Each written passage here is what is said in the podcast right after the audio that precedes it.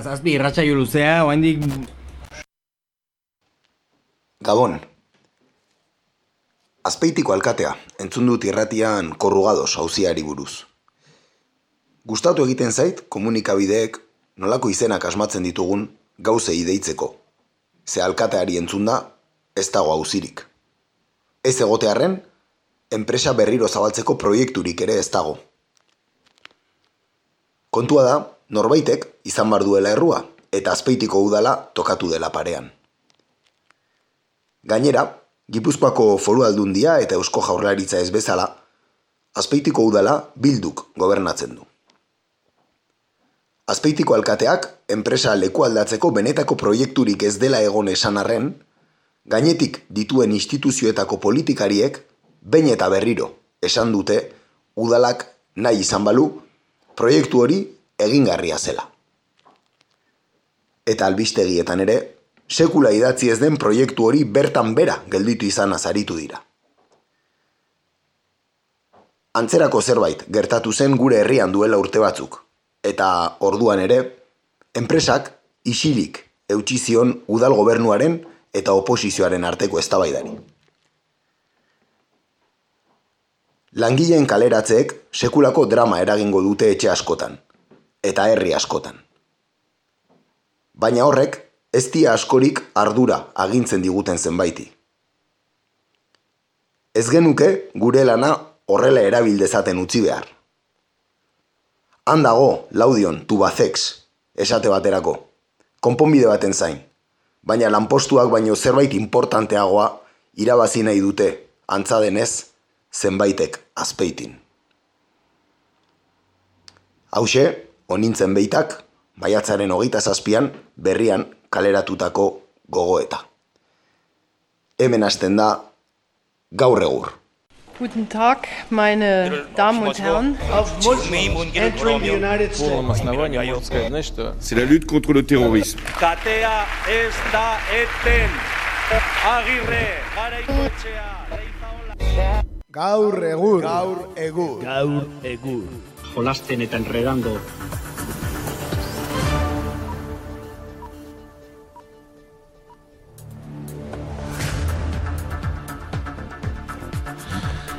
Arratxaldeon. Kaixo, entzule? Kaixo den hori. Arratxaldeon, berandu baino seguru, eh? Hori da, pixka bat, eguraldi honak baldintzatuta edo gaur ez, lasai, lasai ibili gara eta tira. Hori da. Barkatzeko moduko atzerapena Ino, izango. inoiz baino berandugo, ez? Bai, arazo tekniko txiki batzuk ere izan ditugu. Atzoko ekaitzak ere... Vale, baldintzatu ere bai, digu eman dana, ez da, Eta, Eh, Esan, inoiz baino berandugo, egun bat eta eta zazpi minutu berandu. Hori eh? da, hain zuzen, egun bat eta zazpi minutu. Atzo ezin izan genuelako egin, eta orduan ba, gaur aste artea, eh? Benetan ezoiko irratsaioa gaurko, aste artean zuzenean arratsaldeko zazpietan gakaintzonan, ezagitze irrati Oze irratsaio ongo zan orain, baino barka adizagutela, eh? Ba, gu zuzenan ari gara, eta behe garagauta zeukaten, así que ez da, ezin da konparatu. Gaur ere labankatakoa falta zaigu, Hori da, ez dakigu kubatik atera den, edo badaukezue berririk zuek. ez dakit, Lukashenko oraindik bertan daukan. Ah, egia da, Bielorrusian dute eh, zebien. Saiatu gara Amnistia Internazionalekin daula, e, e, kontaktatzen ahartzeo zer dakiten, baino... Ez, ez du bizi zantzurik ematen. Badirudi bintzat onintzen beitaren artikulak irakurtzeko ematen diola. Así que, no, bai, dagoen lekuan dagola, bintzat onintzen beitaren artikulak irakurtzeko ematen dio. Beraz, e, pentsatzen genuena, baina okerrago dago orduan. Bai, bai, Lukashenkoren torturak ustean Gogorrak entona baino dira. okorragoa dira, bai. bueno, guazen, gaurko amardul dator eta guatzen, e, e, ba, bertan gaur atalarekin. Bertan gau.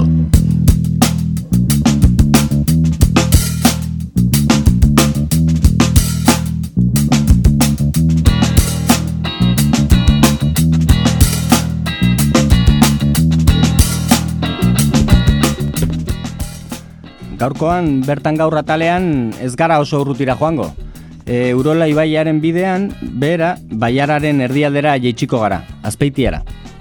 Gipuzkoako herririk garrantzitsuenetako bat, Euskararen arnarzgunea, Loiolako saninazioaren jaioterria, herri mugimendu ezberdinak indartsu dauden herria, eta korrugaduz izeneko metalurgia enpresa bat isteko prozesuak mundu mailan ezaguna egin duena.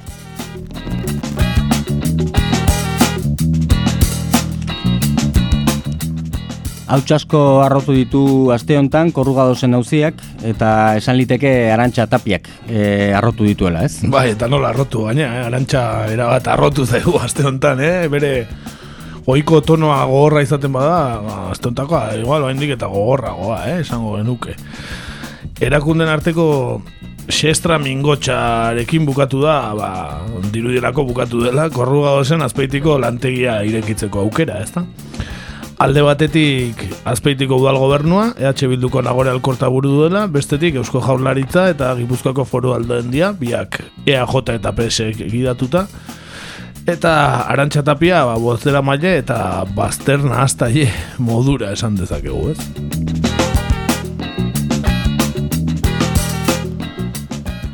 Lehenengoak, hau da, nagore alkorta EH Bilduko azpeitiko alkateak e, berretsi zuen ezinezkoa zela lantegia lehen zegoen lekuan berriro zabaltzea. 2008ko irigintza arauek debekatzen zutelako. Eta bigarrenaren berriz, hau da, arantxatapiaren aukera bazegoen juridikoki, eta proiektuak aurrera egin ez badu, errudun bakarra dago, arantxatapiaren hitzetan, eta da, bera, alkatea. Eh? Bera erantzukizunei, uko egitegatik ala esan zuen arantxatapiak. Duela zortzi urte etxi zuten korrua osek azpeitean e, zuen lantegia, eta egun da laro gehi langile kaleratu zituzten orduan. Lasaoko plantan ere egon ziren kaleratzeak, baina zabali dago gaur egun ere. Eta azken asteotan e, lan karga sartu da dela dirudi gaina lasaon, eta zenbait kontratazio ere egin dituzte plantonten. Gallardo taldean era taldearen zen e, korrugados itxi zutenen, baina 2019an e, KKR AEB-etako funtsak erosi zuen eta IAS CL talde Espainiarren eskuetan geratu zen. E, KKR ez dauka kagaintzonarekin zer ikusirik. Hori, hori galdetzera nioan, ea partizipaziori badaukagun. Ez dakitala ez.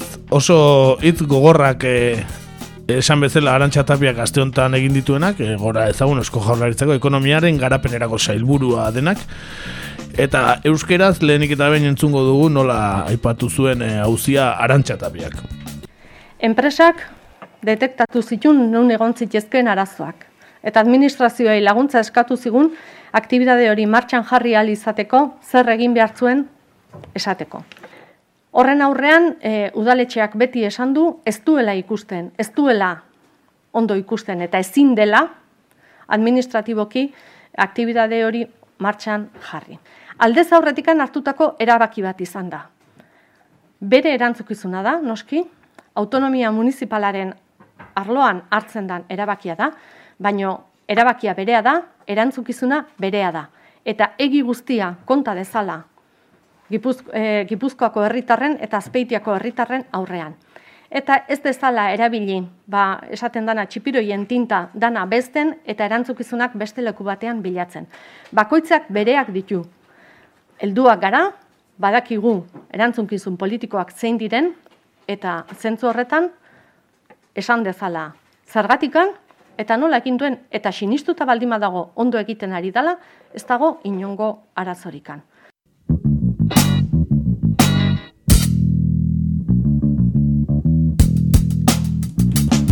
Ba ez arazorik egoteko e, gustora gatu zen arantxa tapia, eh? ondo guzti zuen ogia gero txipiroi tintan, eh? honek ego. Egia esan, e, bueno, e, zailburuak ukatu egin du udaletxaren tesi nagusia, hau da udalak ez zuela nahiko informazio proiektuari buruz. Eta azaldu duenez, martxoaren amaikan, korruga horrezen jabe den CL edo Christian Lei. Taldeko ordezkariek bilera izan zuten azpeitiako udalarekin, jarlaritzarekin eta aldundiarekin, Eta hor informazio zehatza eman zietela dio e, arantxatapiak, ez da? Gainera, 2008an utzi zuen ere mua, amuen egiteko aukera zegoela zioen txusten juridiko aurkeztu zion udalari martxoaren amazazpian, haren esku zegoelako baimena ematen. E, isiltasuna jaso omen zuen erantzun gisa udaletxearen partetik, e, ala ziurtatu zuen tapiak, eta alkateak e, ez zuela kontaktu gehiago izan enpresaritekin eta ez zuela txosten juridikoa kontrastatu ere egin ala esan zuen arantxatapiak. Baina entzun dezagun e, gaztelerazko arantxatapiaren bertsioa, zeren e, euskerazkoan gogorrarioa zen e, bigarren hau e, gaztelerazkoa den tonoa oraindik eta indartsuagoa entzun dezagun. Malestar y vergüenza por el cinismo que se está empleando por la tergiversación de lo que estamos escuchando a lo largo del día de ayer y de hoy, por el tiempo que hemos perdido y que supuestamente todos hemos dedicado con la mejor de las voluntades, y lo peor, por las falsas acusaciones que se han realizado a la actuación de este Gobierno, al señalar que, no nos ha importado el empleo y que hemos trabajado por motivos ajenos. ¿Qué motivos ajenos? Que los detallen. Es una estrategia de tinta de calamar, de búsqueda de culpables y de no querer asumir las responsabilidades propias.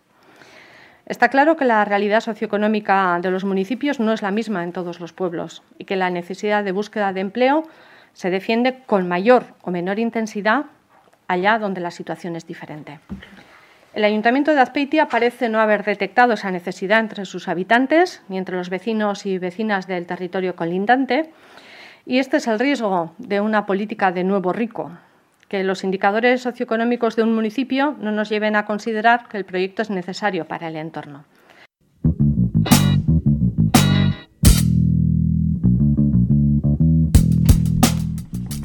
Arantxa tapiaren hitz gogorrak entzun ditugu, baina azpetiko alkateak nagore alkortak erantzungo zien.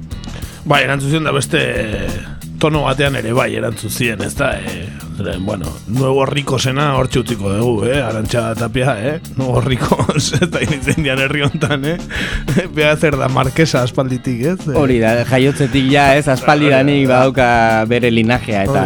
Aberatxa aspalditik, ez da, bueno...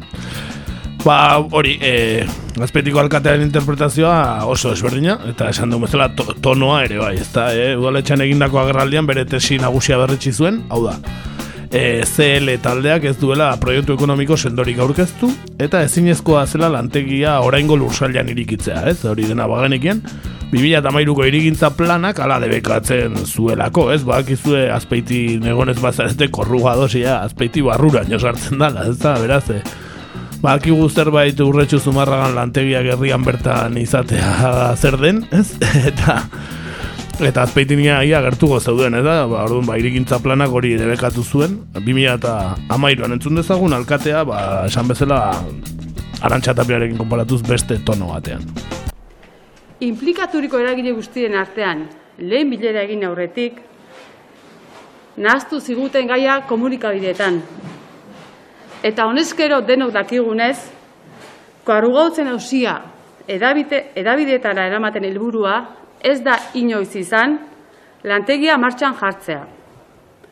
Lehenik, inolako proiektu ekonomikori gabe, ingurumen baldintzak eta baldintza juridikoak betetzen ez dituen eremu batean, lantegia martxan jartzeko aukera paregabeaz aritu dira publikoki. Eta orain, inolako proiektu ekonomikorik gabe sortutako ehundaka lanpostu fiktizioen galeraz hitz egiten ari gara. Eta hori gutxi balitz, belaik sortutako espektatiba faltzuen ardura, azpeitiko udalaren gain jarri dute.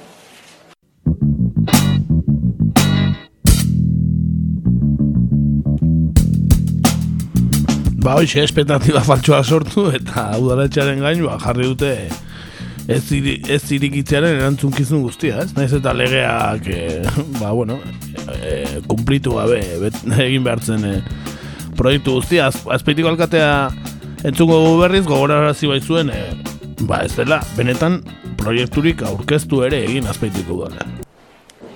Baina bai eusko jalaritzak eta bai gipuzkoako foru aldutiak aspalditik zekiten korugadoz etzela irekiko herrigunean. Jaki badakiten bezala, beraiek, martxoaren hogeita maikan izandako bileran adirazi ziguten bezala, benetan, ez zeukatela korugadozen inguruan idatzizko ezer. Ez proiektu ekonomikorik, ez negozio planik, ez azterketa teknikorik, ez eta ingurumen inpaktuaren azterketarik. Eta bestela, kontrakoa dioenak, aurkeztu dezala, lanpostu guztu horien zorrera sostengatzen duen benetako proiektu ekonomiko bat. Baita, ingurumen baldintzan betekizunena ere.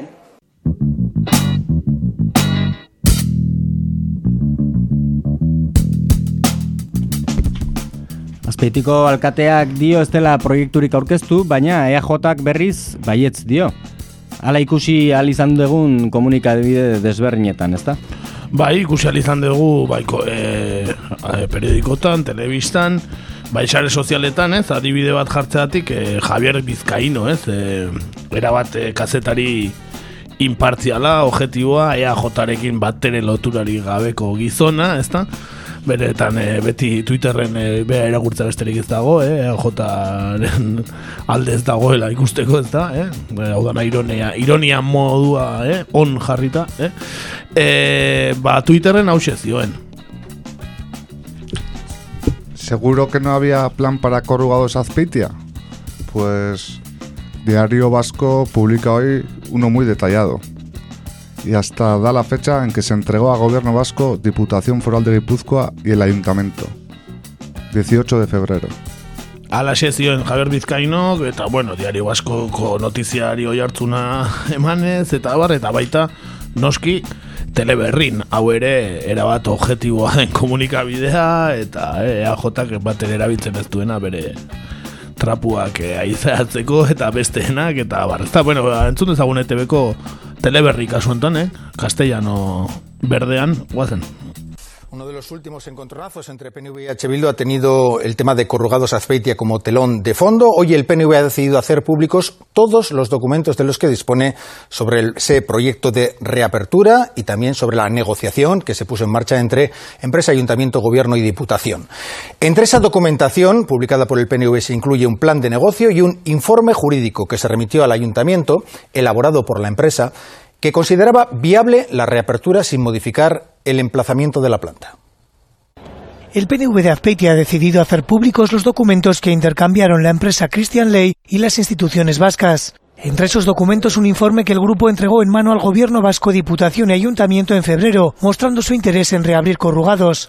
Una declaración de intenciones con cálculos económicos, lista de necesidades e incluso una fecha. Proponían empezar a trabajar en octubre de este año. Otro documento clave es la carta que la empresa Christian Ley envió a la alcaldesa de Azpeitia. Sabiendo ya que el emplazamiento de la siderurgia provocaba recelos, el grupo le envió un informe jurídico que daba el ok al proyecto. El PNV afirma que estos documentos prueban que sí ha habido proyecto y respaldo jurídico. Behaiek ez dakit zer daukean iskutatzeko, guk ez dakeunez ezer iskutatzeko, herriei dokumentazio hori herrien aurrian jartzeko usted zor geniola eta horregatik publikatu dana. Pero el ayuntamiento insiste, no ha habido ni oferta para reabrir ni un proyecto serio. Lo que queremos saber es a ver si esto es el plan de inversiones que justifica los 700 puestos de trabajos construidos ficticiamente. Son cuatro papeles, este no es serio.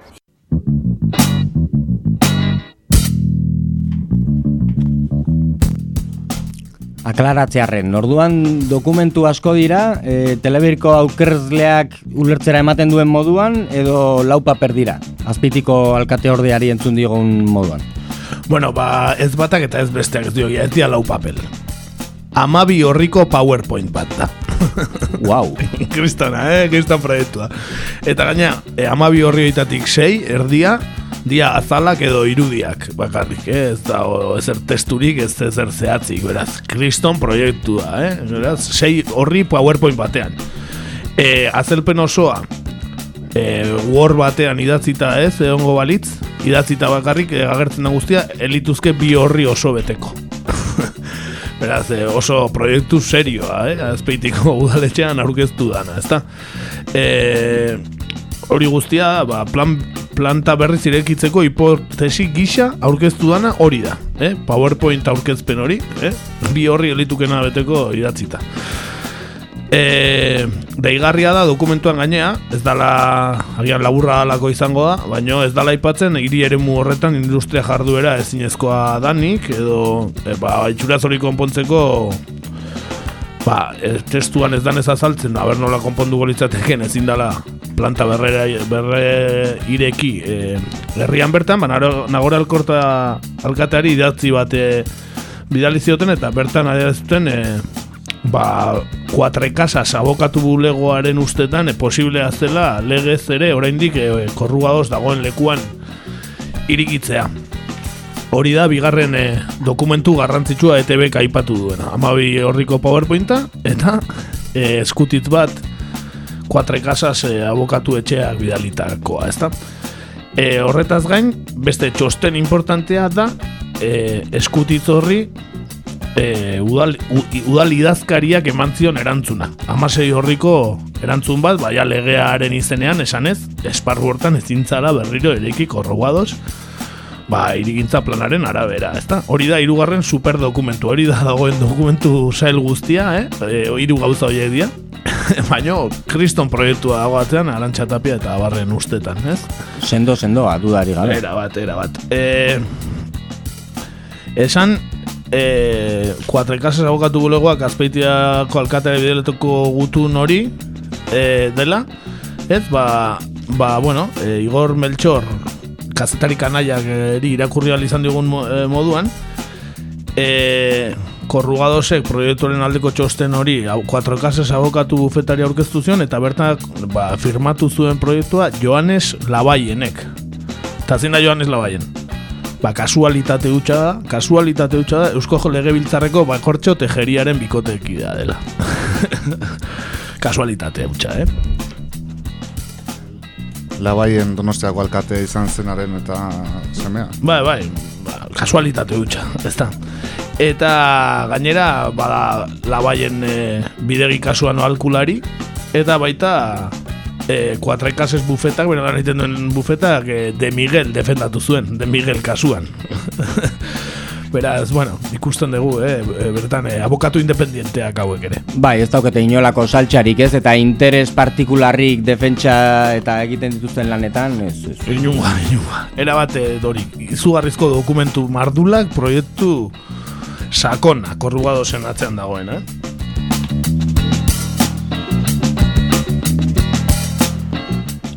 Orduan, esan dezakegu nahiko argi geratzen dela, ez? E, proiektuak ez duela oinarri sendorik eta EAJak polemika sortzeko erabiltzen duela, besterik gabe.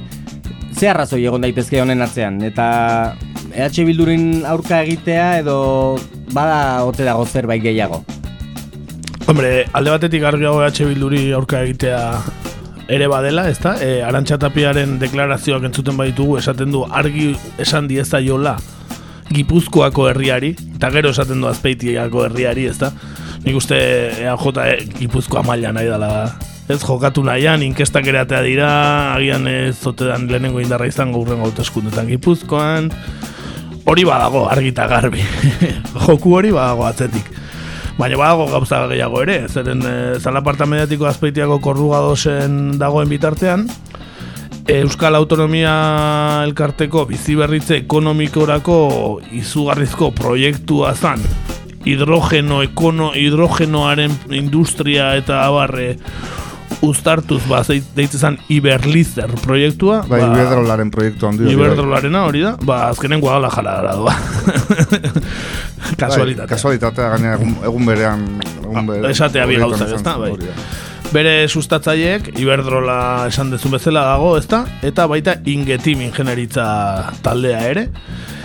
Bueno, ba hori, Bizkaian egin behar zuten superproiektua e, Guadalajara, Espainiara eraban dutela, ezta? E, orduan, e, esan behar da, goin dela bi hilabete, martxoren hogeita batean, e, proiektu izartzat e, aurkeztu zutela komunikabideetan, e, eta bertan zeuden e, bueno, ba, kompainia handia asko, ez da, hidrogenoaren klusterra osatzen dutenak, Euskal hidrogenoaren klusterra, bakizu, hidrogenoa zan urrengo Euskal industriaren e, oinarri sendoena, ba, bertan daude Petronor, Iberdrola, Sener, Nortegas, EBE, Aklima, Siemens, Euskal Herriko Unibertsitatea, Mondragon Unibertsitatea, Bueno, ba, hidrogenaren klusterra, ba, lehenengo proiektu aurkeztu zutena pompa handiarekin, azkenen guadala jarara doa. Baina hori horrez dago polemikaik. Eh? Polemika dago eh, korruga dozen. Kriston proiektu importantea zedola hor. Eh, esan, hortarako lurzoro egokia eta elkarretearen parte hartzeko tresnak bilatzen ari zirela, eh, tartean eh, bizkaiko aldundiak tresna fiskalak erabiliko omen zituen, bak zertan tresna fiskalak, ez gero, eh, gutxia ordaintzea eh, azindari eta hori dana, ez E, bueno, ba, Ignacio Sánchez Galán iberdolako presidenteak ezkerraldean kokatu nahi zuen, eh, bizkaiako ba, bilboko ezkerraldean, Ba, gizuean ere, ba, langabezia eta sandia daudela, bueno, ba, oso proiektu, eh, ondo, sal, ondo saldu zutena, ez da? Bai, sexta honeta seguru aski gustorazko jasoko zutena, ez? Zango langabezia eta ikusita. Hori da, irudun da berrogeita mar lanpostu osatu daro ziren Eta e, berrogeita mar milioi euro inbertitzea aurreik usten zen, eh, fabrika hortan. Esan, hori, azkenean Guadalajarara joango dela, eta elektrolizagailuak egingo dituela. Hidrogeno berdea, ba, prezioz lehiakorra izatearen gakoetakoa da, elektrolizagailua, eta Europar batasuna ba, interes berezia dauka hoien garapenean eta baina Europako funtsoiek ere horta bideratuta zeuden eta abar eta bar beraz proiektu hori itzalean geratu da zeren benetako polemika da amabi horrialdeko powerpoint batekin e, korrugados berrere ireki behartzela azpeitian ez da benetan Bai, polemika merkea, ez? Ola PNV maiazpitik atera duena, baina badirudi kontatu digutzunarekin e, alantxatapiak nik ikusten dut sentsazio batekin ama batek bere semekutxuna etxetik doala, ez? E, momentu hori eta norbaiti frustrazio hori kulpak beste norbaitengan islatu behar dituela.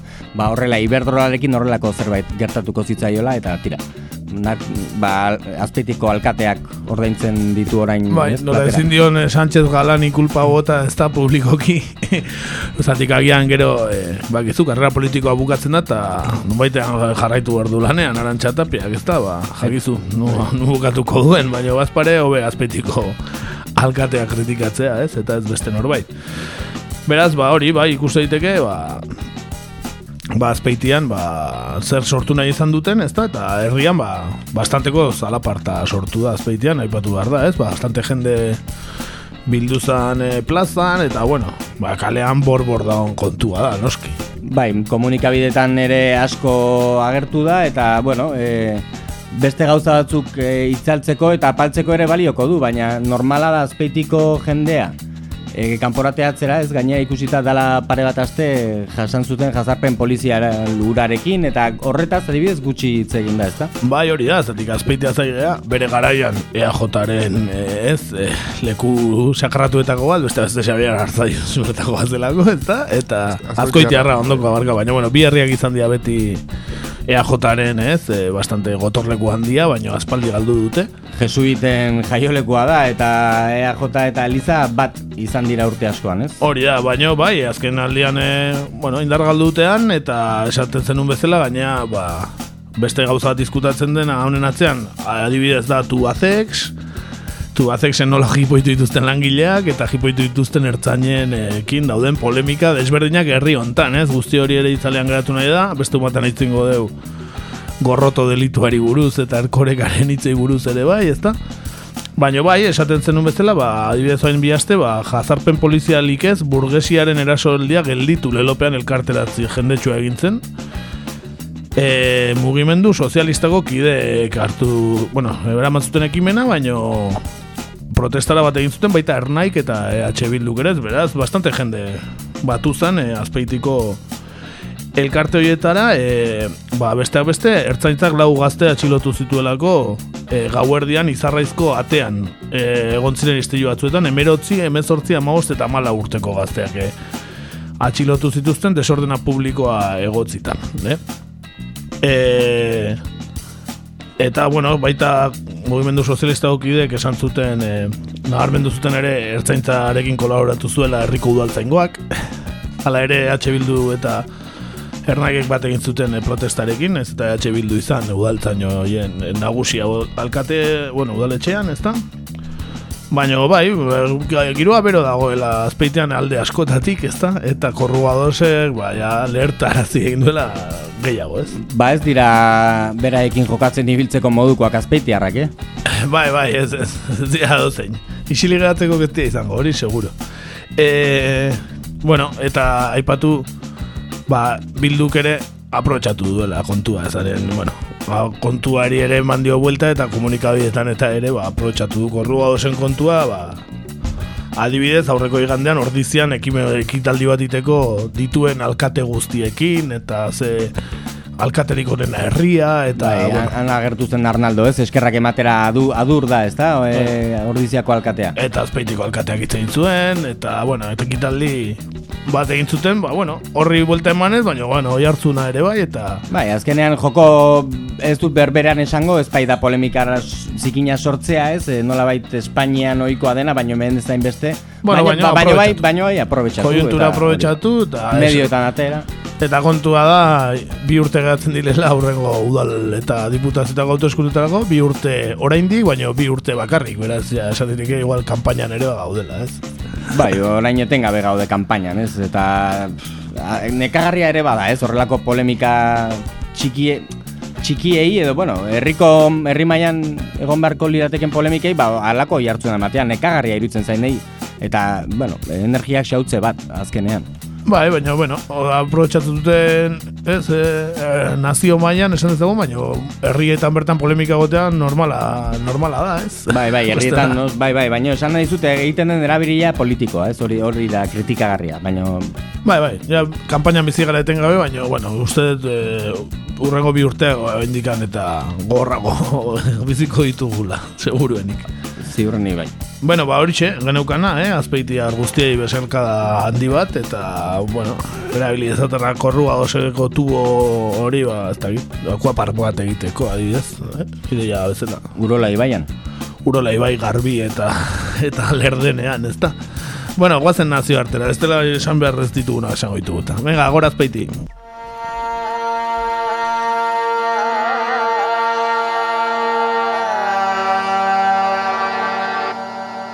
Nazioartean gaur.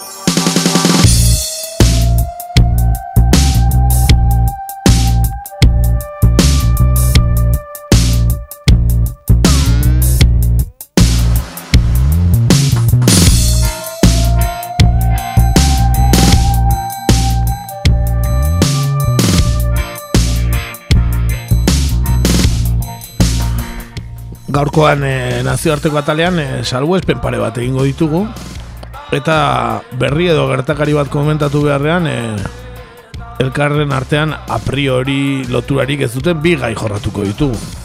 Batak antzinara eramango ditu, paleolitikora hain zuzen ere, besteak ordea iritsi eh, berri den etorkizunera.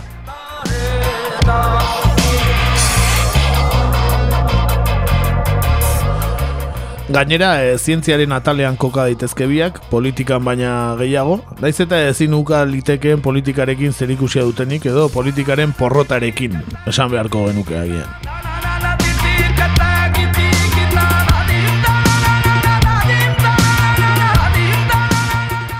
Goazen lehenengoarekin. Hala dio, amairu mila lareun urte dauzkan hilerri batek baieztatu du, paleolitikoko gizarteetan indarkeria edo violentzia egungoa baino handiagoa zela. Ikertutako kasu batzuetan behintzat. Salbuespenak ala ere badaude. Non azaldu da hilerri hau eta ze datu ematen ditu. Bai, ba, tira, e, ondorio nagusia, ez? E, iker, hierria ikertu denaren ondorio nagusia zera da. Gizakiek orain dela amairu mila lareun urte, gizonak, emakumeak eta aurrak bereizketarik gabe hiltzen zituztela, ez? Modu violentoan. Eta hau da behintzat, Jebel Sahaba, hierria aztertuta Isabel Krebeker ikerlari frantsesak dioena, ez? Eunda mazazpi hierria izenez ere ezaguna da, ez? Nolabait laburtzeko edo jerga zientifiko hontan. Eta hierri hau Egipton kokatzen dela esateranioan, baina ez da guzti zuzena, ez? E, izan ere, Egipton aurkitu zen arren, ba, asuaneko presa eraikitzen ari ziren garaian, hau da, irurogei garren amarkadan, game, Gamal Abdel Nasser e, Egiptoko gobernu buruzela ez, ba, egun ez dago bertan. Eta historia gustoko duen inork entzuten bagaitu, ba, jakingo du non dagoen, ziurrenik, ez? E, izan ere, Egipto erdia dagoen toki berberean kokatzen da, eta bai, noski. Britaniar museoa zarin naiz, ez?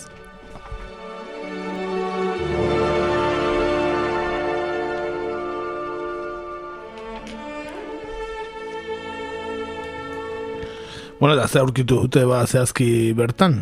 Bai, ba, niloko araneko biltzai eta iztari gizarte baten e, hierri bat zen, ez? Eta bertan hildakoen euneko irurogeita marren artean, eriotzaren kausa dudari gabe nolabaiteko izaera violentodun ekitzen izan zela baiestatu dute. Eta esain txua den estadistika bat, ez? E, dudari gabe, izan ere euneko irurogeita mar ia denak, dira, ez? E, violentziaren ondorioz hilda. Eta, beno, e, apaitu, aipatu behar dugu, proportzio hau ez dela apenas aldatzen emakume gizon edo aurren artean, ez? Denek daukate proportzio bera, baina gizartian zeuden rolen gainean behar bada badago nabardudarik, ez? E, ez dakigu ziur, baina zerbait esan diezakigukete datu hauek. Emakumeen kasuan, adibidez, e, orbain gehienak defentsako lesioekin lotuta daude eta gizonek berriz e, austurak eskuko ezurretan dauzkate, ez? E, nola bait, e, ba, e, atakerako, edo, bueno, e, zea, bez, beraiek defentsa moduan ez zuten jarduten antza. Gizonak erasora eta emakumea defentsa, ez? Hori da, antza, eta, bueno, aurren kasuan ez du detailerik ematen, baino behar bada ez ditugu jakin nahi ez da, ez da? E, eta esan, bueno, e, ikertutako zauri gehienak arma jautigarriek eraginda izan zirela, Eta honek e, iradokitzen du ba, beste talde batzuen erasoek izan zirela, ez? E, komunitatearen barruko indarkeriarena baino gehiago. Eta berrikuntza ordea zera da, ez? E, ikerketaren egileek adierazu dutenez, biratutakoak ez direla liskar batean obiratuak izan, baizik eta denboran zehar zabaldutako erasoetan, ez? Eta honek esan nahi dugu, etzera sarraski bati emandako hobi komun bat izan, baizik eta ohiko kanposatu bat zela. Hau da, e, urretxu zumarragan gaur egun daukagun kanposatu baten moduan, ez? E, bertan gurtzen ditugu gure hildakoak, eta ez da hobi komun bat, ba, Espainiako edozein autopistetako izkinetan orkitu ditzak egun modukoak, ez da?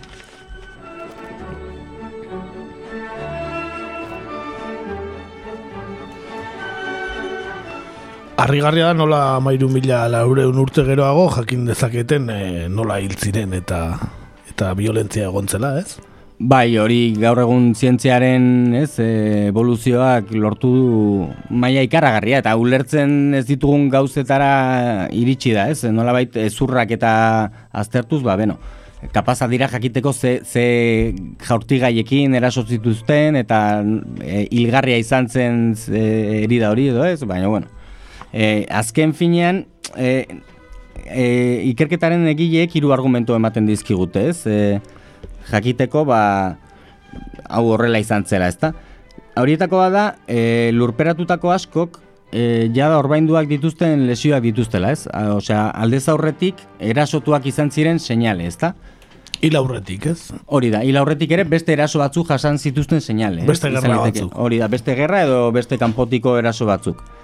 E, bestalde, beste hainbat hilobi berriro iriki zituzten, ez? Hau da, e, beste hemen egiten den moduan, ez? Ez dakitzen bateko EPA daukan, hogeita bost, hogeita urte, ez? Baina, e, at, gorpuzkiak atera eta beste bat e, barneratzen dute, horrek esan nahi du, ba, e, kanposantu bat bezalakoa dela, ez?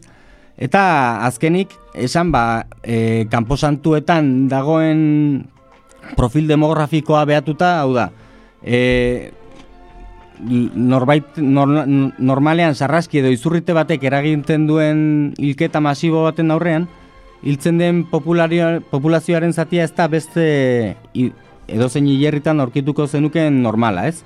Adibidez, e, gerra batean aurkitzen diren gorpuak, ba, gizonenak izaten dira gehiago, gazteak eta erdi edaekoak, ez? Baina zaharrak ez, eta horrelako nabarduratxoak, ez? Eta kasu honetan, ba, aurkitzen dugun profil demografikoa da, ba, hori, esaten dugun moduan, kanposantu normal batean, e, aurkitzen den berbera, ezta? Eta hala ere, gogoratu, ba, uneko irurogeita marra, hori, e, eragin violentuaren, eragin violentuaren pean hiltzela, ezta? Hala ere agure askorik ezingo zan egon gara jartan, ez? Pentsatzen dut. Ez, pentsatzen dut, e, amala mila lareun urte, ba, bizi maila ez dakit, eh? ez dut irakurri, baina, etzela berrogei urtetatik pasako inondik inora. Ba, eta eguneko iruro eta marrak eriotza violentoa izan bazuen, ba, agure, agure gutxi. Bai, ez behar da amar urterekin jaku batak erazten azten ziren, ez bestela eh, gutxi geratzen zitzain Bai, gero bai, disfrutatzeko. bizitzak ez ziren askolako gehiagorako ematen. Hori E, da. Hala ere, bakigu zerk ekarri zuen horrelako violentzia maila, e, ba, eman diote, zagit gerraren bat, edo esplikazio horik eh, eman diote ikertzaiek. Beno, eh, aipatu beharra dago ez, historia aurreari buruzko ikerketetan oso zaila dela hipotesietatik teorietara jauzi egitea, ez? Eta ez dagoela gaiaren inguruko erantzun bateraturik.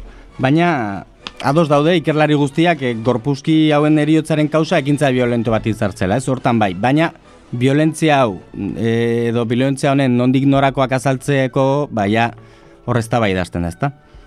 Da, bueno, iritzi desberdinak ematearen, ba, Daniel Antoine, ez? E, Britaniar Museoko Jebel Sahararen gorpuzkien bildumaren arduradunak dio, klima aldaketaren aldeko apustu bat egin du eta esaten du neurri batean pleistozenotik e, holozenora, gaur egun bizi dugun e, aro geologikoan, ez? E, ba, trantsizio horretan gertatu zela, ez? E, balita, baliabideen urritasunak bultzatuta edo. Unedeko irakasleen Jose Manuel Maio kordea esaten du ba, eta beste jatorri bortitza duten e, historia aurreko beste kanposantu eta jobi batzuk aztertu ditu, bere ustez e, esaten du eunda mazazpi hilerri hontan ikusitako indarkeriaren kausalitate klimatikoa ez dagoela ondo oinarrituta, eta berak beste ñabadura, ñabardura da sortzen du, ez? E, ez egon kortasun klimatiko batean, eiztari biltzaile talde sedentarioen edo erdi sedentarioen arteko gatazka bat izan zela. Hau da, e, sedentario, erdi sedentario, eh, populazio hau pasatzen ari zen nomada izatetik sedentario edo bertan lurralde batean kokatzera, ez? Eta hemen ematen dio, ba, baliabide urritasuna bai ba zegoen klima aldaketaregatik behar bada, baina benetako oinarria lurraldetasunaren inguruko auzi bat izan zitekela, ez? Gainera, ba, baliabideen urritasun hori batuta, baina lehen nomadak zirenean antza, ba, ez, ez zegoen alako sarraskirik. Hor- Hori beste teoria posible bat. ez? Lehenengo nazionalismoa, orduan. Hori da, horrela uler liteke, ez? Hor sortu zen lehenengoa, ez, hau gurea da. Eta zuek okerra bazarete. Baina, bueno, hori behar bada ez dugu sekula jakingo, ez? Oso zaila da esan dugun moduan e, Ni, espekulazio ni beste guzti hau. teoria daukat, eh? Nare teoria futbola izan zela. Fu- Futbol afizionatuak zian, eh? Bi ekipo desberdinetakoak eta... Ja, ba, bai, eta bata galtzai atera zen, ez? Argita garbi. Argita garbi, argita garbi. Atletik izango zen behar da. Edo reala jakitzu gara hortan. ez dakigu, ez dakigu.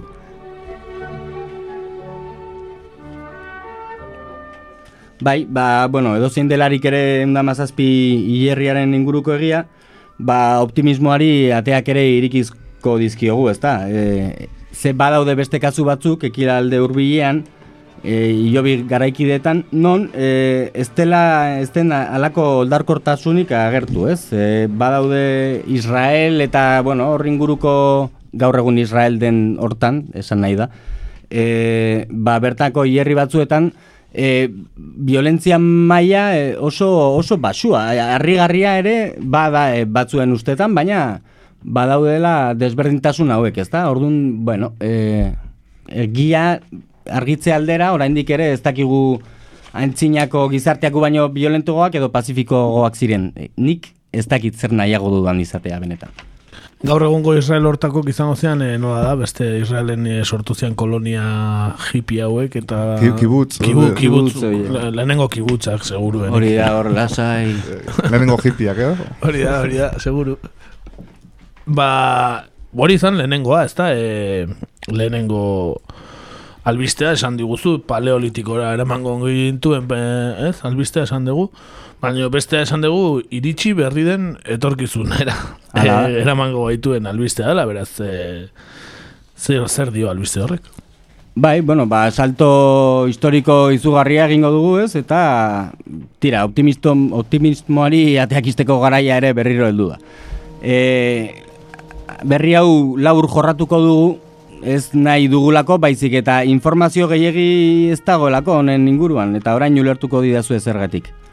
Historian lehen aldiz, jaun Andreok, batzuk antropozeno deitzen dioten aroa inauguratzen dugula dionean, hau da, gizakiaren aroa ez, holozenoa atzean utzita, ba, lehengo aldiz, dioen moduan, robot batek eraso egin die gizakiei modu erabat autonomoan.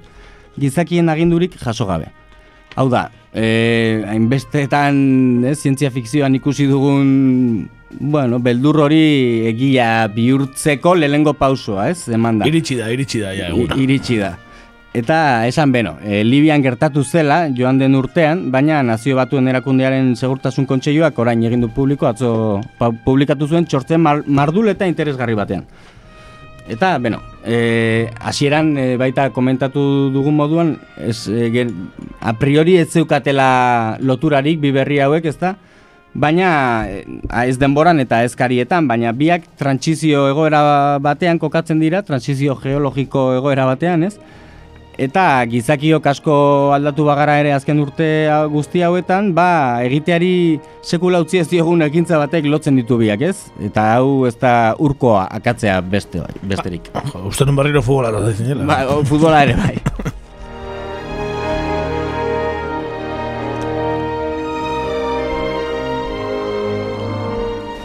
Gainera, fatalista jarrita ez, horrelako asmakizun beldurgarriek paleolitikoko estatistikak pikutara botza ditzakete ez, gizakiaren bizitza bera ere bai agian. Eta beno, e, nazio batuen erakundearen txostena ikusi nahi duenarentzat publikoa dela esan ez, e, nazio batuen dokumento guztia bezala, eta Libian erabilitako armez gain, ba, detaile maila izugarriarekin azaltzen ditu maila azpitik egondako arma trafikoen erantzuleak, pertsonen salerosketak eta beste hainbat gizart, giza eskubideen kontrako delitu edo urraketak, ez? Eta kasu honetan, zehatz honetan, txosten honek iturri konfidentzial bat aipatzen du, ez? E, informazio jaso duen zea, ba, moduaren inguruan beste askotan ba aipatzen du zehazki ez dakizen basa ez dakize pertsona edo konsejo tal edo bestea, ez? Honetan ez dakigun nork eman dion informazioa. Dena den, e, bueno, honena gaiaren inguruan txostenak dioena entzutea izango da. Kalifa Haftari afiliatutako indarrak eta konboi logistikoak erretiratzean, tripulatu gabeko borrokarako aire ibilgailu autonomoen sistema hilgarriek, ala nola STM, kargu, bika eta beste antzeko batzuek, urrutetik jasarri eta erasu zituzten. Arma autonomo hilgarrien sistemak helburuak erasotzeko programatu ziren. Operadorearen eta benetako munizioaren arteko datu konektatibilitaterik gabe. Tiro egin, aztu eta inork agindu gabe helburu berri bat aurkitzeko benetako gaitasuna duten makinak dira.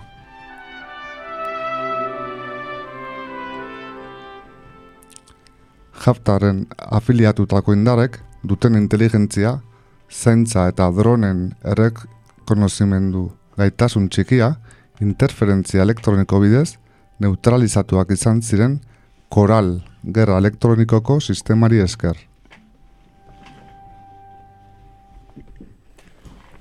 Beraz, dronak e, berak erabakita eraso zuen.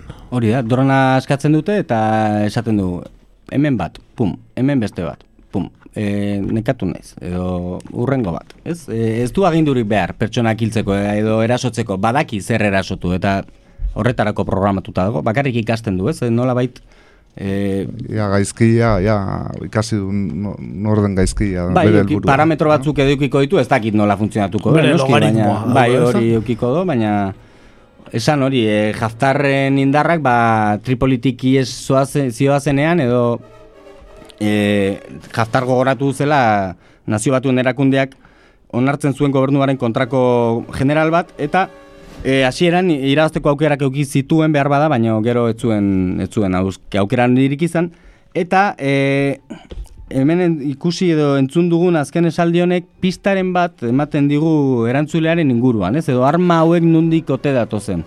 E, izan ere, koral sistema hau, ez? Radarrak zoratzeko Turkiak garatu duen puntako teknologia militarra da, ez? Hau da, e, azkeneko teknologia maila, e, ba, dauden radarrak zoratzeko eta esan duzun moduan, ba, beraien dronak aurkituak izan ez zitezten e, zeuden sistema, ez, vigilante guztiak deusestatzeko. Eta, ba, tira, bukatzeko esan umore apur batekin bukatuko dugu, baldin eta posible bada, kasu hauetan, baina arma hilgarri hauen akronikoa, akronimoa edo siglak asmatu zituen nazio batuen erakundeko aditua, ez dakigu guk umore beltzaren zalea ote den, baina behoakio hemendigure miresmen eta eskerrona trolea honegatik, ez?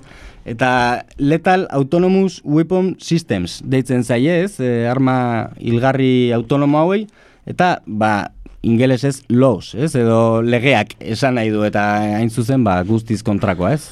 Legeak hil zituen, ez da? Bai, legeak hil zituen, nahi, hori da.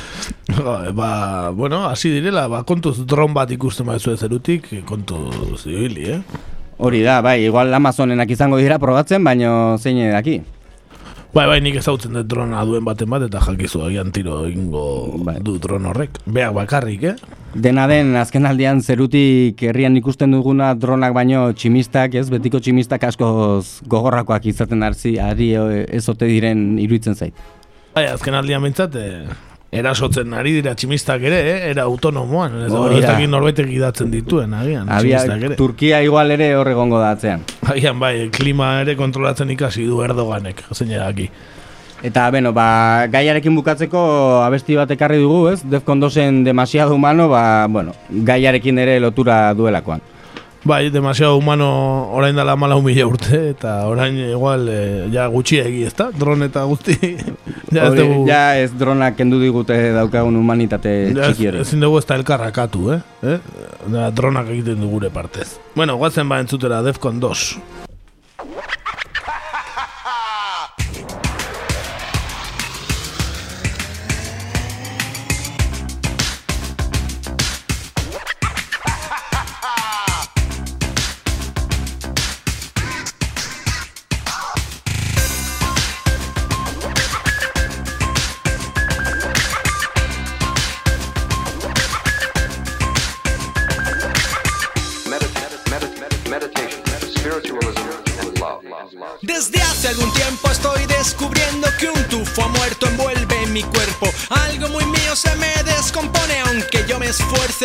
Se note. Me huele a podrido debajo del pelo. Y no es por la roña y la caspa que tengo. Me huele a podrido debajo del pelo. Será por el tiempo que hace que no pienso. Será por lo mucho que he ido cambiando desde que aparqué al cerebro en mi cráneo y me miro al espejo y no me reconozco. No por el olor, sino porque soy otro.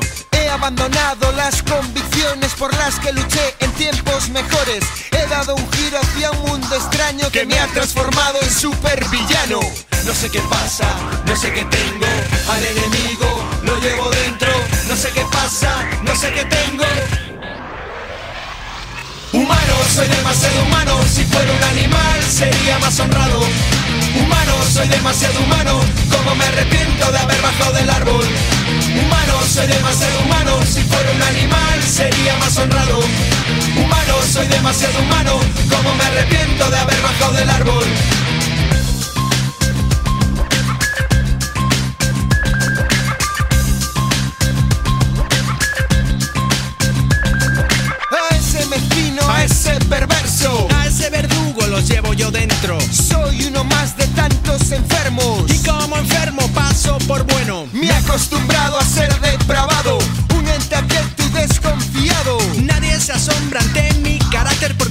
cómo son los tipos.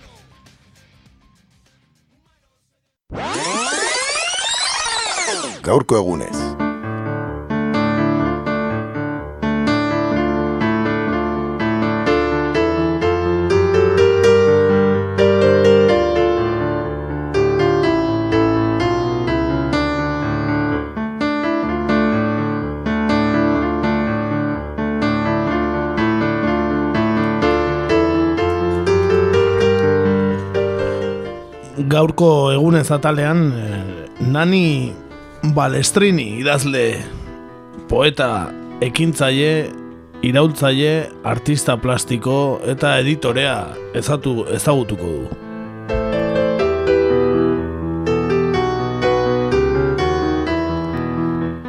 Balestrini 2000 eta emeretziko maiatzaren hogeian hiltzen laro urte eta urterekin eta bere bizitza Italiako irurogeita zortzi eta ondorengo mugimenduek markatu zuten. Orain bi hiru aste hitz egin genuen mugimendua.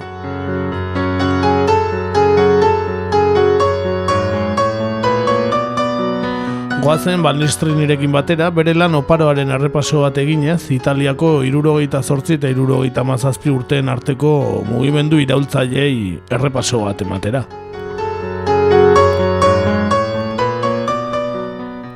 Nortzen nani balestrini eta goazen bere idazle eta militante ibilbidea ezagutzera.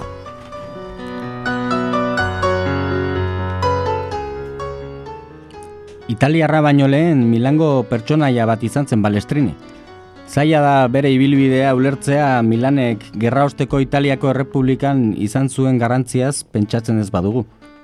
Milan industriala eta komertziala, burgesa, langilea, baina batez ere argitaletetxeen industriaren eta arte garaikidearen merkatu hasiberriaren erdigunea.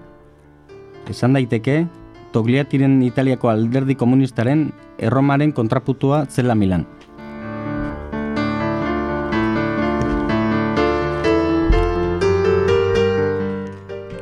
Hori ez, zuk esan bezala ez, Milan beste gauza batzen kapitalismo italiararen motor intelektuala eta beraz lan indar intelektual bat izateko beharra zuena kapitalismo fordista aurreta, aurreratuaren garaian ez. Eta ja da, ba, intelektual e, gramtxizalei etzegokena ez. E, lan intelektualaren indarraren barneratze horretan, e, balestrini Luciano Antzetxik e, sordutako hilberri, e, ez hilberri iargia, hilberri italieraz, e, aldizkariaren redakzioan sartzen da ez. Eta garai hartan e, neobanguardia deitu zenaren eremuan kokatuta zegoen ba, aldizkari hori ez. Eta giro horretatik aterako zen e, grupo 63, e, irugaita iru taldea delakoa, eta balestrenik ekintza estetiko politiko batean egindako lehen taldekako proiektua izan zen ura, ez? E, Aipatu gari hartakoak dira baita ere kuaderni rosi aldizkari operaista eta pasolinismo politikoa esamoldeari bide eman zion poema, ez? E, PCI, e, PCI gaztentzat izenekoa, ez? E, pizka bat e, ba, e, ba, mezua egiten ba, e, pezi zarkituri dagoela ez, eta pixka bat egaztentzat e, bidiratzeko ez. Belanaldi berrietara pasatzeko ez da? Eta bai ez, eta poema hori ospetsu egin zen, e, batez ere bai Juliako lizkarretan, non irugoita zortziko italiarari hasiera eman zion ez. E, ba, gat, egun hori markatu zuen e, polizia eta ikasleen arteko e, lizkarak ez.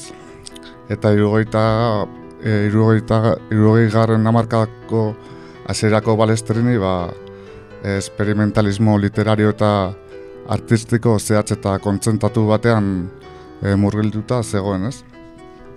E, esan balestriniren funtsezko harreta testuaren ekoizpen baldintzetara e, zuzentzen zela ez, e, ba, literatura esperimentatzera ez. Esan e, bere lehen eleberrian, e, Tristano izenekoan, ba, idazlearen asmoa zela teknika berri bat e, erabiltzea ez, eleberri bat ekoizteko ez. Eta ba, e, bu, haren kopia bakoitza best, beste eleberria ez bestelakoa izango zen ez. Hori da, ba, historia desberdina zuten e, alen eleberri seriala ez, izatea ez. Eta hala ere, ba, garaiko baldintza teknikoek eta e, Jan Como Feltrinelli editoriaren aldeginiek ere ez zuten posible egin ez, proiektu hori ez. Eta esan e, eleberria oinarrizko testu bakarrerekin argitaratu zela ez, azkenean ez, osea bukaera bakarrarekin ez. E, deribe aprodi argitaletxeak e, duela gutxi ba, e, beste edizio berri bat atera du ez.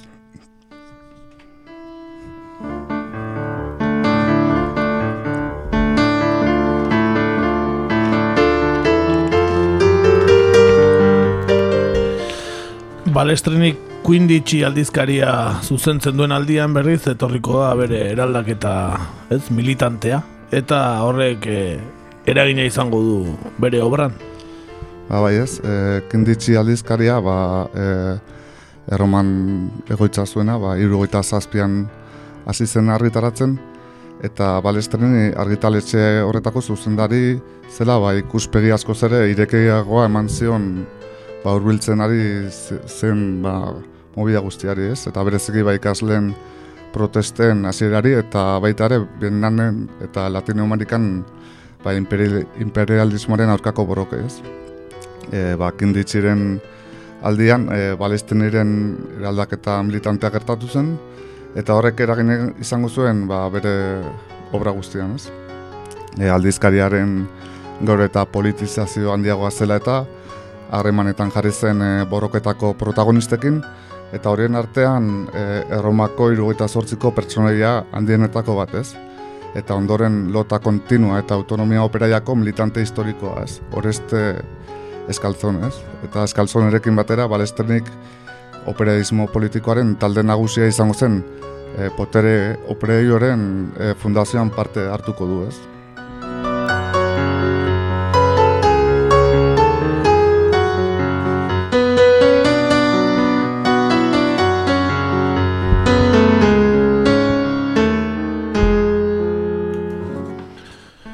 Lehenago ere joan garen irurogeita zortzi Italia hortako garaietan ez da, iruta behatziko udazken beroa ere bai, eh? estatuak eh, tentsioaren eh, estrategia bultzatu zuen garaia, eta Piazza Fontana aipatu genituen Piazza Fontanako gertaerekin eh, amaiera izan zuena.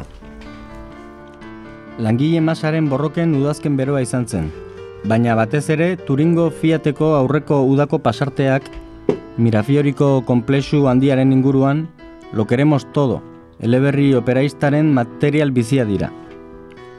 Bertan, masa publiko baten esperimentazioa eta bilaketa dago. Eleberria oso arrakastatsua izan zen. Balestrinik bere lanean fiateko langileen, borroken, asanbladen, patronalaren eta poliziaren errepresioaren prozesua kontatzen du. Eta bere kontakizuna langileen bazarretako eta potere operaio bezalako taldeen testu irailtzaiekin nahasten da.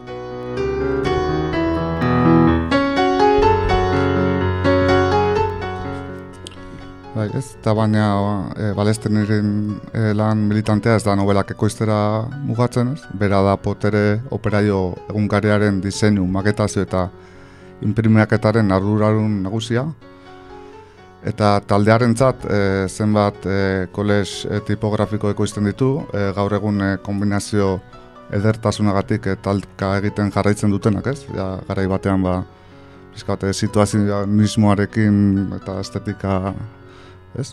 E, vanguardistarekin eta lotuaz. Eta Italiako gizarteak e, gaur egun arte markatuko duen tentsio oremu trinkonetan, balesternik e, lan politikoa egiten du batez ere, ez?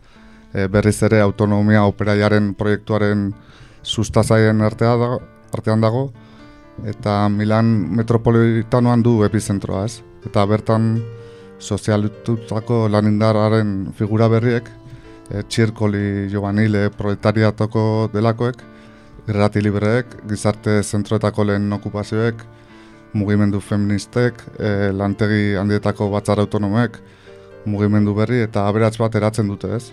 Eta metropolietan eta bere luraldearekin leian ari dela ez.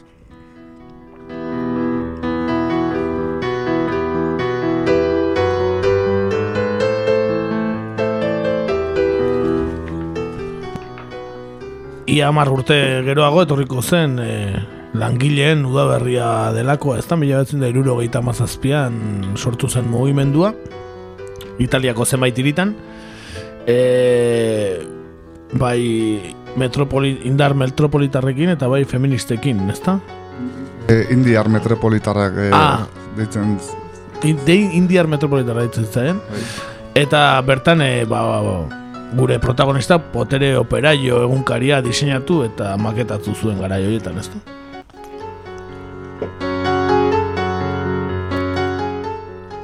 Mila bederatzireun eta irurogeita malau eta mila bederatzireun eta irurogeita masai artean, aparteko aldia bizi zen.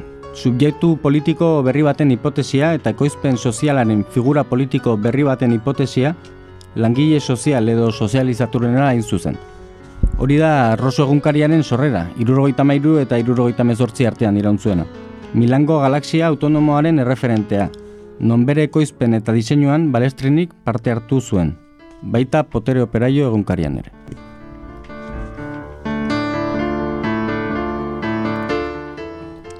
Da bai ez, eta estatuaren tentsioaren estrategia eta langi eta alden eta gazte proletarioen erantzuna ez, eta gazte gero eta armatuago zeuden, estrategia horren diseinuan eta resistentziaren kriminalizazioan edabide handiek duten eginkizuna dira palestiniren la violencia ilustrada, eh, indarkeria ilustratua eh, irugaita argitaturiko irugarren eleberriaren helburuaz. Eta indarkeria politikoa ezin da berezi bere narraziotik ez. Eh, novelaren lehen atalak, eh, William Calley, marine estatu batuar tenenteak e, mila behatzen da irugaita sortziko martxoaren amaseian e, mailaien, e, Vietnamen, e, abertan izan zen sarrazkeari buruz egindako deklarazioei e, buruzko kazetaritza kronika jasotzen du ez. Eta hurrengo kapituloan, e, Milango kaletan, gerri autonomoari buruzko kazetaritza kronikara ere pasatzen da ez. Eta indarkeria horiek e, kontatzeko eta justifikatzeko, e, ganerako kapituletan balesternik e, material narratiboekin lan egiten du ez.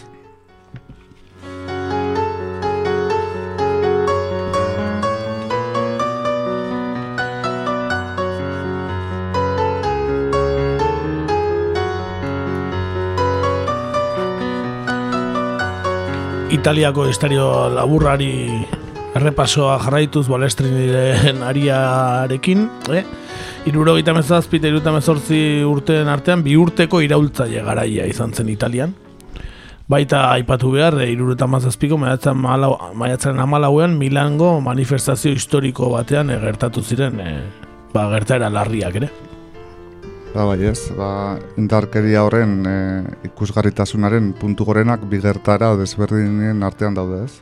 Irurogeita mazazpi eta irurogeita mezortzi garen urten artean ez e, alde batetik irugaita matzazpiko udaberrian e, mugimendu mota berri bat sortu zen Italiako hainbat eritan, e, batez ere Roma, Bolonia eta Milanen, eta bere osagai nagusiak e, autonomoak, indiar metropolitanoak eta feministak ziren, ez, lehen esan bezala ez.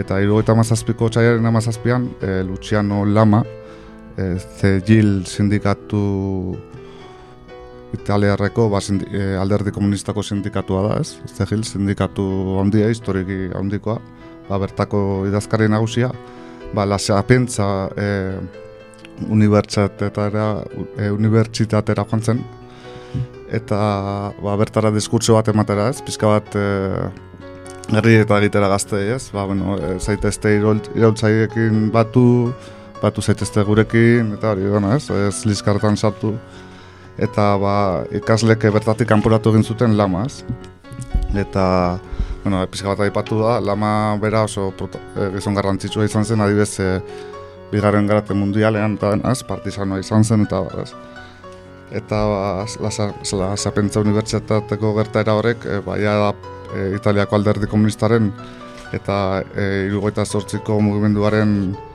e, artean ba, behin betiko austuru bat ekarri zuen ez. Ja, irugoita mazizpiko mugimenduaren e, ikuskizun nagusia milanen izango da, e, maiatzaren amalauko manifestazioan e, ba, mugimenduen mugimenduko atxilok, e, abokatuen e, atxiloketa salatzeko egin zen e, manifestazioan, ba, e, manifestazioaren amaieran liskar armatu bat izan zen ez. E, ba, manifestazioetik e, berezitako talde autonomo baten artean ba, tiroketa bat hasi zen poliziarekin ez. Eta horren ondorioz, ba, Antonio Kustra polizia hil zen ez eta ba, bertan e, bere Walter P. oita mezortzi pistolarekin e, kaputxadun gaztearen argazki ospetsu hartu, hartu zuten ez.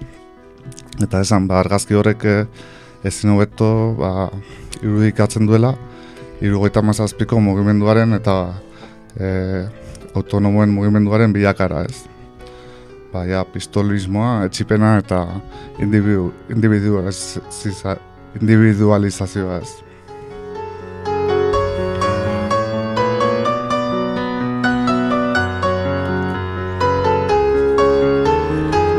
Garai hortako beste puntu goren bat, e, zalantzari gabe, iruro gita mezortzian, hemen ere aipatu genuen Aldo Mororen baiketa eta ondorengo hilketa izango dira, ezta? Ekintza horrek ere, ba, eraban zuen Italia, orain ezain beste aipatu genuen bezala, ezta?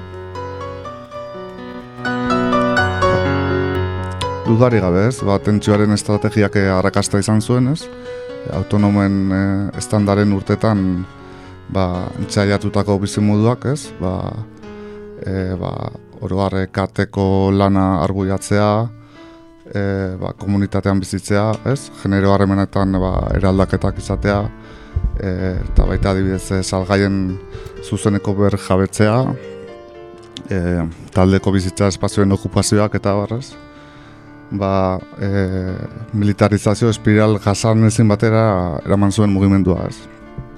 Ba, adibidez, emakume feminista askok gara gertuki hori ustea erabaki zuten eta kolektibo autonomoak berriz e, urratuta geratu ziren ez. Mugimenduaren militarizazioak eta borroken bilakaera odoltsuak bultzatuta ez. Eta Milango autonomiako beteran nuentzat, ba, ja, zeinu gehiagik e, ondamendi bat iragartzen zuten ez eta horietako batzuk e, balestrenik e, lehen pertsonan bizi izan zituen, ez? Eta bada bat e, oarkabaian pasatzen dena, ez? Eta hori da Milango e, burgesia aurrerakoiak urte hauetan jokatzen duen papera, ez? E, haien seme alabak ez zituzten zoik talde eta kolektiboen lehoroak elikatzen, e, autonomiaren esparuko ekimen politiko eta empresarial asko ere ba, begionez ikusten zituzten, eta baita ekonomikoki babesten zituzten, ez? Eta irugaita mezortzian, errosoren ingurua erabate deskomposatua zegoen, egunkaria argitaratzeari utzi zitzaion, eta goitza historikoa itxi egin zen ez. E, eta irugaita margarren amarkako bigarren zazionek, ba, balestrini idazkera poetikoari berrikitera bultzatu zuen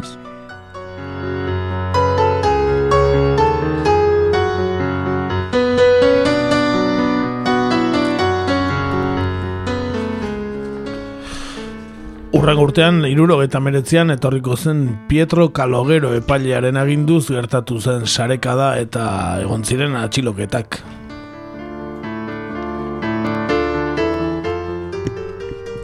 Ba bai ez, e, irugita meretziko aperiaren zazpiko atxiluketek eragindako ondamendi politikoak e, larogeiko amarkadan jarraituko du ez. E, demokrazia kristiana eta alde, italiako alderdi komunistak osatzen zuten erregimenak e, pentalderdiko edo pentapartito gobernuei leku hau txitaz. Non e, Kraxi eta Andreotik e, mila behatzen da larogeita mairuan amaituko den lege e, amaituko den langile mugimendu ofizialaren e, ustelkeria privatizazio eta suntxiketa e, kudeatuko duten ez. Eta orduan, ba, apriaren zazpian e, atxilotutakoei, eiru goita zazpitik garatzen ari zen proiektu bat e, eskantzia erabaki zuen ez. Blaukot e, izeneko e, pieza liriko bat ez. Ba, ustail beruark eragin zuen zubertxu eta berjabetze fenomenoi referentzia egin ez ez.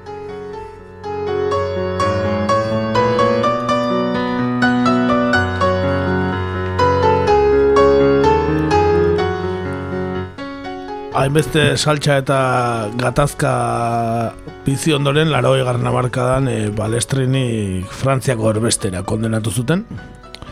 Frantziako Proventzan e, jarri zen bizitzen, ezta? Eta erbestetik balestrenik ba, bizitzen ari zen tragedia politiko eta pertsonalari ba, neurri hartu zion. Sergio Bianchiren Bianchirekin bizi da hilabete batzuetan Milango periferiako gazte autonomo batekin. Irurogeita mazazpiko mugimenduaren parabola distiratsu eta tragikoa bizi izan duena. Bere hotza balestriniren gaztelaniazko eleberririk ezagunena da, eta larogeita marreko amarkadan jaiotako subjetibotasun politiko berriekin ongien bat egit zuenaren Los Invisibles komposaketarako baliargarria izango da.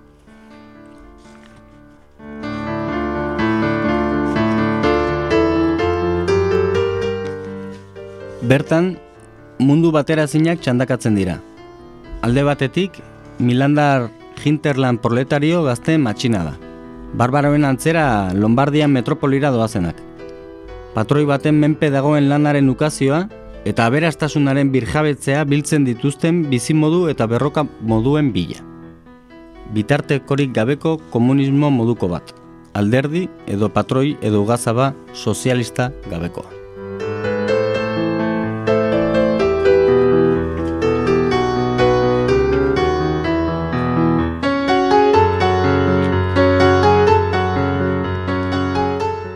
Bestetik eh, milaka militante autonomo eta talde armatu kokide giltzapetzeko sortutako espetxe berezien eh, mundua.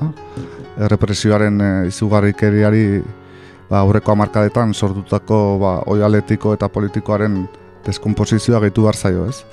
Ba, Brigada gorrien eh, borroka armatuaren porotarekin areagotu egiten dena ez. Ba, damutzen diren kideen hilketak, taldeen arteko mendekuak eta epatu kanale 5 edo Italiako Tele 5 eta heroinaren artean sentsibilizatu gabe dagoen italiar gizarte baten urruneko jartzuna, ez? Beren eta aldearen patua aldatu nahi izan zuten belaunaldien patuaren aurrean, ez? Eta Italiako irugoita zortzigarren luzearen ba, indarkeria eta deusespen eta represio politiko eta kulturalaren garrantzia ulertzeko ba, mila zortzireun da irugoita maikako Parisko komunaren represioaren e, milaka komunar den sarraskiarekin eta erbestetzearekin eta haren gainean botatako represioarekin ba, konperatu dezakegu ez. Ba, ondoren e, Parisiko komuna naziarteko logei mugimenduaren ba, ondore ondare bihurtu zen arren ez.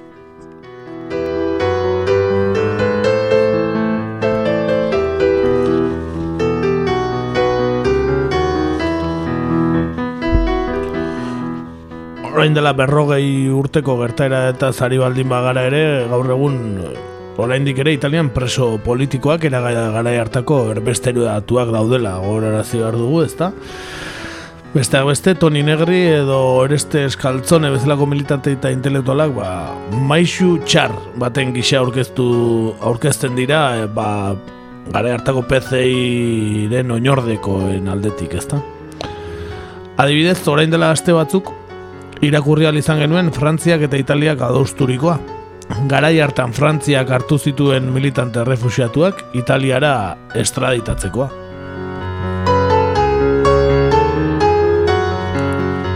Ba, bai ez, e, irakurri izan genuen e, nola berriro politika hori berriz aktibatu duen e, Italiako gobernuak ez. E, eta, gobernu teknokratak ez da? Eh? Alderdiri gabekoa edo alderdi guztiena ez? Hori da ez, eta ba, Macronek e, ba, guztu ondiz e, erantzun dio ez.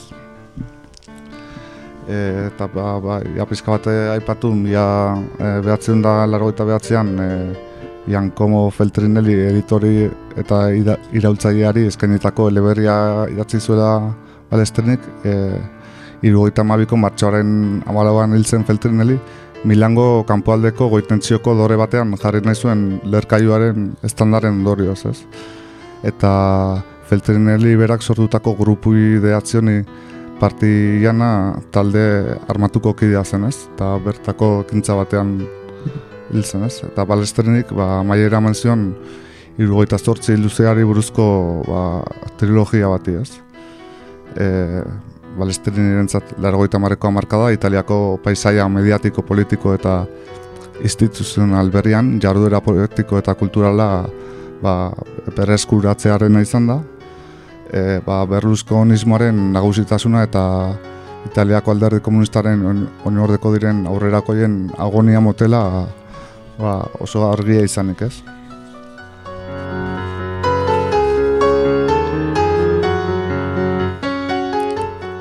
Eta pizka bate on, ondoren ba, listenik beste proiektu batzuekin jarraitzen du ez. E, deribe aprodi izeneko argitaletxe bat ireketzen dute ez, ba, argitaletxe alternatibo izateko asmorekin ez. Eta ba, ondoren beste bi eleberri ere idatzi zituen e, kontra, kontra neoliberaleko italiako klase herrikoien paisaia sozial eta suriatikoa irudikatzen dutenak ez, bat i furiosi izenekoa, eta sandokan una historia de camorra izaneko beste bat ez. Eta lehenengoan balestenik e, rosonere, e, brigate, rosonere brigate, e, jarra, brigate talde horretako jarraitzaiekin izan dako kasualitatezko topaketatik e, sortu zen ez. Eta talde hau, ba, ipatu Milango muturreko talde bat dela, ez? Irugaita marreko amarkadan, ba, mugimendu autonomoi lotutako e, gazte peina gisa jaio zena, baina orain ja, ja da, erreferentzia politikoa galduta Milaneko proletargoaren e, gerrarako eta autodefentsarako eta bizi iraupenerako makina gisa funtzionatzen duen elkarte bihurtu da ez. Eta ba, bigarrenak e, kamorra napolitareko bos baten historia kontatzen du ba, Roberto Sabianoren gomorraren bertsio hipokrita baina urte batzuk lehenago ez.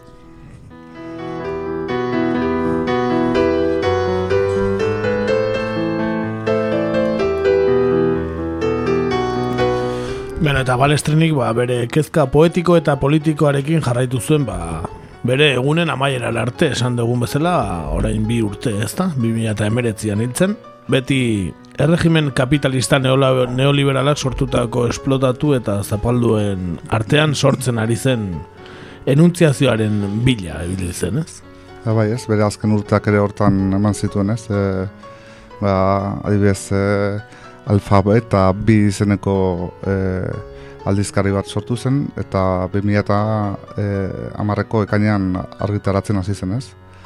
Eta ba, aldizkariak gai politikoak e, landu zituen, e, Europako sorkuntza politiko eta pentsamenduzko harreta eskeniz, eta estatukuaren apatian eta konformismoan murgilduta dagoen Italiako eszena intelektuala e, suspertzeko ba, alegin bat zen, ez? Esan e, aldizkariak e, bere lehen e, argitalepen labarkatu aldizkariak e, imprimatzeari utzi behar izan ziola 2000 eta eta webgune bat sortu, zu, sortu zutela ez, eta ba, balesterini hil zen arte funtzionatu zuen ez eta ba, balesterinik bere kezka poetiko eta politikoekin jarraitu zuen, beren egunen amaiera arte, e, beti erregimen kapitalista neoliberalak ere ekitako esplotatu eta zapalduen artean sortzen diren e, adirazpenen bila, eta bere bizitzako azken hilabetetan Frantzia eta Italiaren artean, ba, zibilizazioaren krisian irikitzen diren alternatiba berrien bila, ez, e, ibili zen, ez, bere azken oleberketako baten ir, irakur daiteken bezala, ez, le radiazioni del corpo nero, ez, eta hori, ez, pizka bat aipatu bere bizitza emankorra, ez.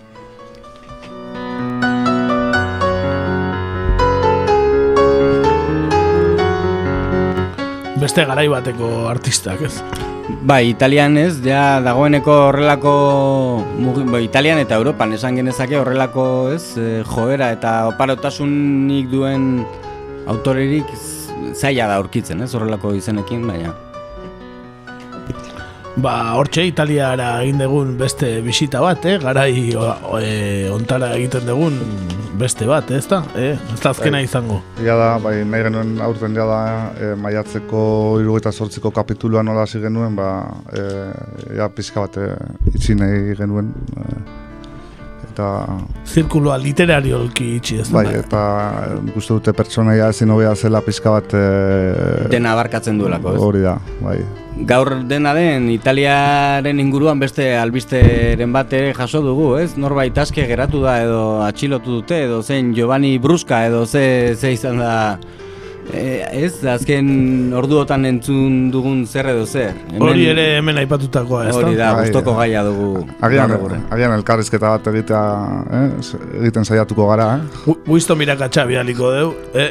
Italiara... Bere reporteria epik- ekipo guztiarekin. Nik, nik oraindik maio honetan ikusten ditut, bai Winston eta bai Giovanni. Igual totorrina ere, bai, zen daki. Eh, bueno, abestitxoa jarriko dugu. E, balestrinaren omenez, Gianfranco Manfredi ekarri dugu Io Clandestino abestia.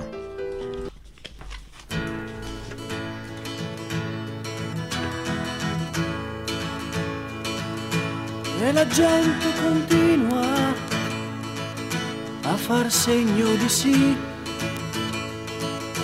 Chi comanda fa il furbo e va avanti così. Per la strada un bambino mi ha già chiesto perché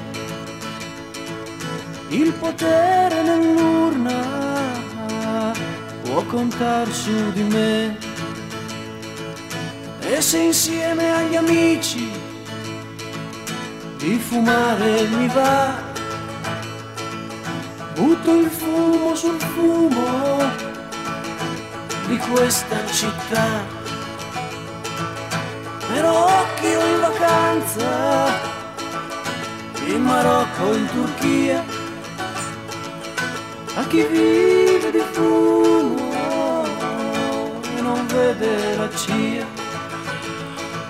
Forse un poco paura del fantasma del cielo. Qualche volta lo sento proprio dentro di me. Nannone sulla maglietta che mi sorriderà. Forse in una doppietta più sereno sarà. E mentire, mentirsi e non smettere più e confondere spesso con Gesù passare una cena. E non è poi un granché a quell'io clandestino. Che sta dentro di me. E passare una cena. E non è poi un granché a quell'io clandestino che sta dentro di me e passare una cena e non è poi un granché a quell'io clandestino che sta dentro di me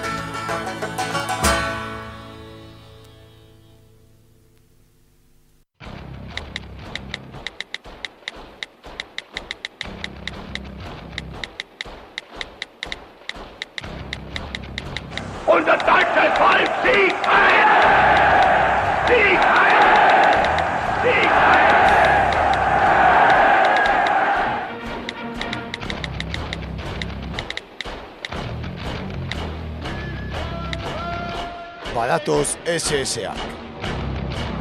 Sare sozialetan egur.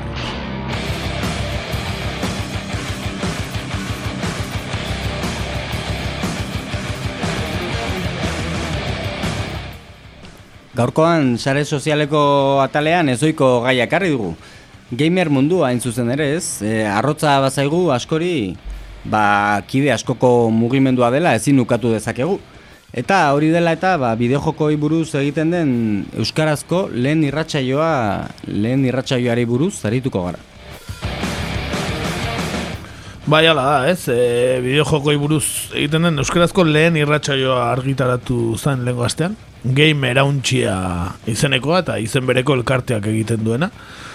Bi astean behin e, egingo dute, eta, bueno, naiz irratian emango dutenez, ba, agian e, irrati honetan ere entzun alko da, oza, arrosa sarean dagoelako naiz irratia. Esan e, zuzenean egingo dutela lehenik eta Twitch plataforman, eh, geroz eta gehiago, indar gehiago daukan sare soziala, eh? Agian e, kakaintzona irratiak edo gaur egur ere Twitch bidez egiten hasi beharko dugu, ez dakit? Bai, azkenean ikusten da badaukela neraben artean eta gazten artean sekulako ez puntxa dauken zea da, eta bero, egon beharko dugu, kakaintzona leku guztietan dagoen ez? Hori, bai, bai, agian Twitchen egin beharko dugu zuzenean, e, irratxa joa, zein daki, eh? gure horpegiak ere ikus daitezela, eh? E, bideo jokoen zalen euskal komunitatearen inguruak, ingurukoak e, jasoko eta aztertuko dituzte irratxa joan amagostean behin, ala esan dute. Gure asmoa da denetik lantzea, bideo jokoen aktualitatea, albisteak, sektoreko gertakizuna, jolasten garen jokoa, komentatuko ditugu, zertan ari garen azaldu, eta bar, ezta? Ala, haber, e, retro atala ere izango dute, hau agian ezaguna egingo zaiguna, eh, bideojoko zaharrak komentatzeko, agian hor, hor e, gehiago entzun e, guk ere parte hartu dezakegu, Nik apuntetxo bat egingo dut, komandos bira jolasten aritu naiz azken aldiotan, beraz, duela hogeita bat urteko joko. Beraz, retro xamarra, ez da, bai. esan daiteke baietz.